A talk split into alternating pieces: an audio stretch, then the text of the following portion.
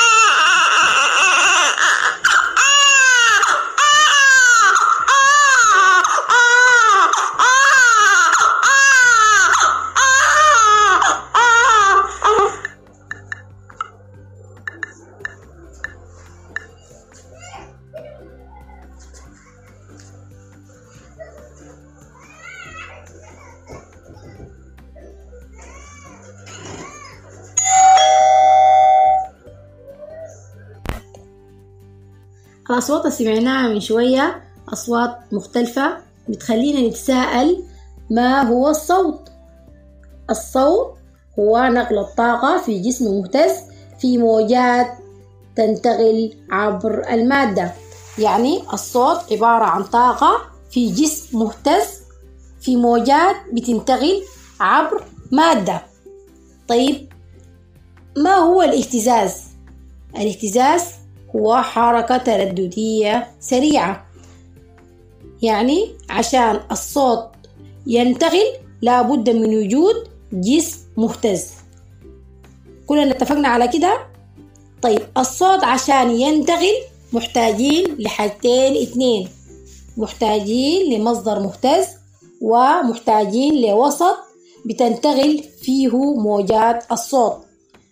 يعني مثلا القلم عشان أقدر أكتب بيه لازم يكون فيه حبر ولازم يكون في ورقة أكتب بيها طبعا هنا الحبر بيمثل لنا الاهتزاز والورقة بتمثل لنا شنو؟ الوسط. يبقى الصوت ينتقل عبر جسم مهتز في موجات تنتقل عبر المادة. في معلومة لازم نأكد عليها إنه الصوت لا ينتقل عبر الفراغ. لماذا؟ عدم وجود وسط ينتقل فيه موجات الصوت لأنه أهم حاجة الوسط. طيب انتشار الصوت. لو حنتكلم عن الأوساط اللي بينتشر من خلال الصوت هي عبارة عن وسط صلب وسط غازي ووسط سائل أو الأوساط المادية أو الأوساط الصلبة والأوساط الغازية والأوساط السائلة. نتكلم تفصيلا عن الوسط الصلب أو الأوساط الصلبة الوسط الصلب قوي جدا في انتشار الصوت. وبينتشر الصوت سريع جدا من خلاله زمان كان الناس بتعرف إنه القطر جاي من بعيد من مسافة بعيدة جدا بيعرفوا إنه القطر جاي كانوا بخطوا أضانهم في السكة الحديد ليه؟ لأنه طبعا كلنا عارفين السكة حديد مصنوعة من شنو؟ مصنوعة من الحديد والحديد من المواد الصلبة واتفقنا إنه المواد الصلبة سريعة جدا في نقل الموجات الصوتية أو في نقل موجات الصوت لو حنتكلم عن انتشار الصوت في الأوساط السائلة هو كمان سريع بس طبعا أقل سرعة من الأوساط الصلبة هل السمك بيسمع صوت البشر؟ حصل قبل كده. فكرت وانت بترمي, بترمي السنارة في البحر والسمك بيهرب منك. السمك بيهرب ليه؟ عشان سمع صوت أو حركة السنارة في البحر. يبقى إنه السمك بيسمع صوت حركة البشر داخل البحر وبيهرب. طيب عندنا كمان الغواص. هو داخل الماء بيسمع أي صوت. طيب لو حنتكلم عن الوسط الغازي بنلقاه أقل سرعة بين الأوساط. طبعا هو أقل سرعة لكن نحن ما بنقدر ننقل وجوده. هو ما زال وسط بينقل الصوت. عندنا تجربة عملناها في الفصل اللي هي الجرس. لو جبنا الجرس خطيناه غطينا عليه وشغلنا الدائرة الكهربائية. بنسمع صوت الجرس كلنا بنعرفه. لو قمنا سحبنا الهواء من الدائرة الكهربائية أو من الجرس حنلقى شنو؟ ما في صوت. يبقى الهواء ده هو الوسط اللي انتقل من خلاله الصوت أو صوت الجرس. طيب لو حنتكلم عن صفات ومميزات الصوت الصوت من صفاته شدة الصوت شدة الصوت يعني من خلال إحنا بنقدر نغاري بين صوت عالي وصوت منخفض. صوت عالي وصوت منخفض. وشدة الصوت هي الخاصية اللي بتميز بها الأذن الصوت القوي من الصوت الضعيف أو الصوت الخافض أو الصوت المنخفض.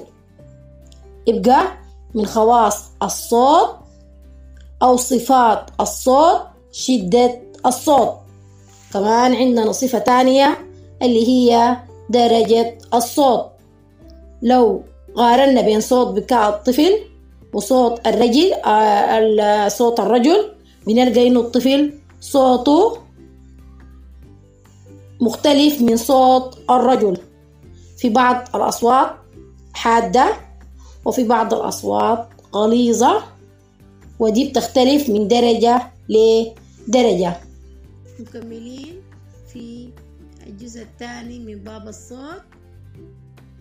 إلى طبلة الأذن.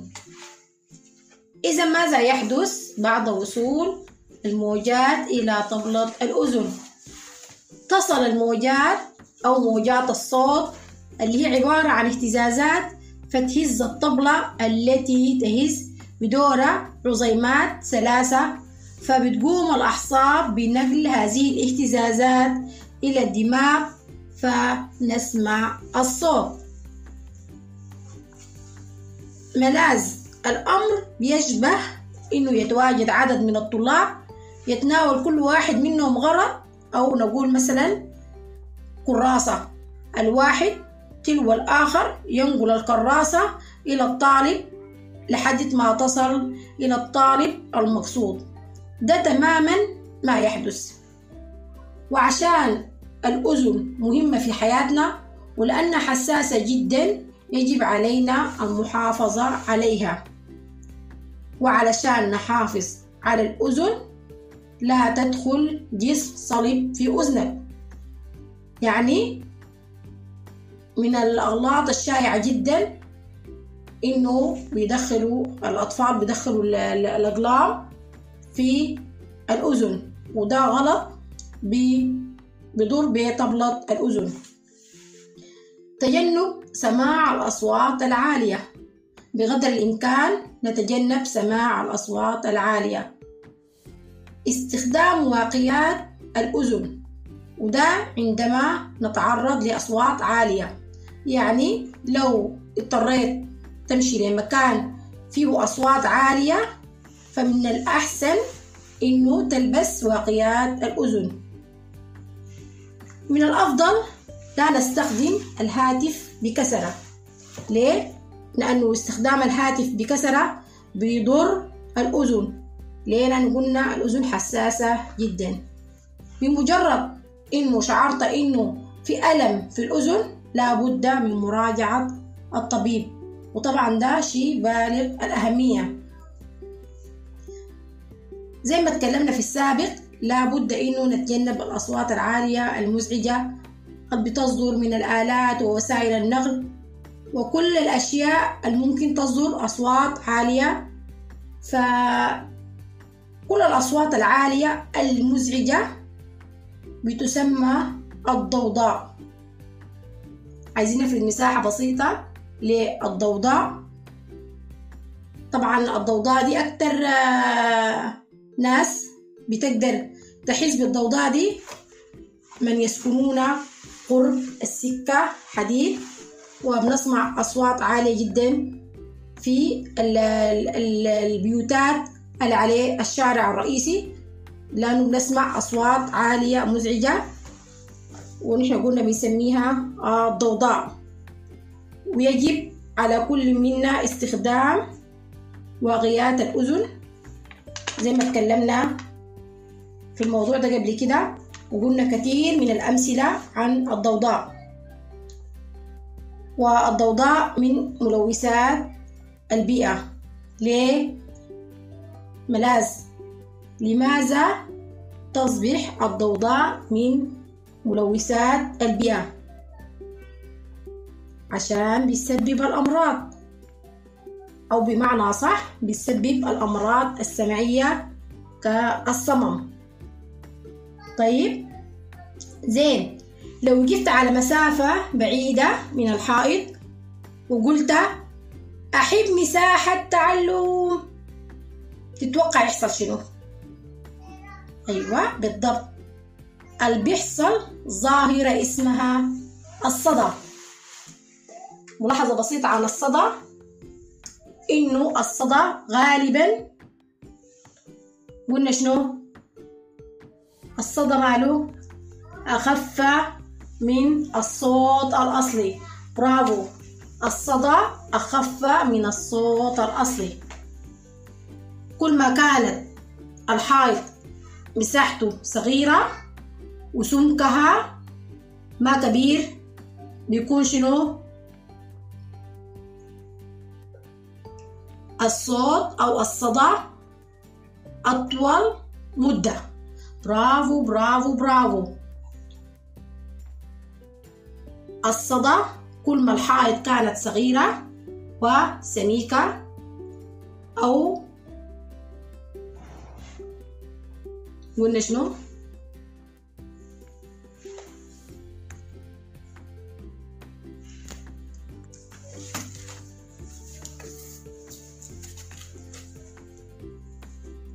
زين ملاذ معايا يا شباب؟ تمام. ملاذ لو وقفتي على بعد مسافة من الحائط وقلتي أحب مساحة تعلم تتوقع يحصل شنو؟ بالضبط. الحصل ده ظاهرة اسمها الصدى. ونلاحظ إنه الصدى غالبا أخفت من الصوت الأصلي. برافو. هذا الحائط مساحته صغيرة وسمكه ليس بالكبير. لكن طيب لو كررنا التجربة على حائط سمكه أكبر ومساحته أكبر. زين بيحصل شنو؟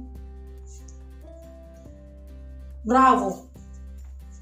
سوف يزيد أو يزيد وضوح الصدى ومدته.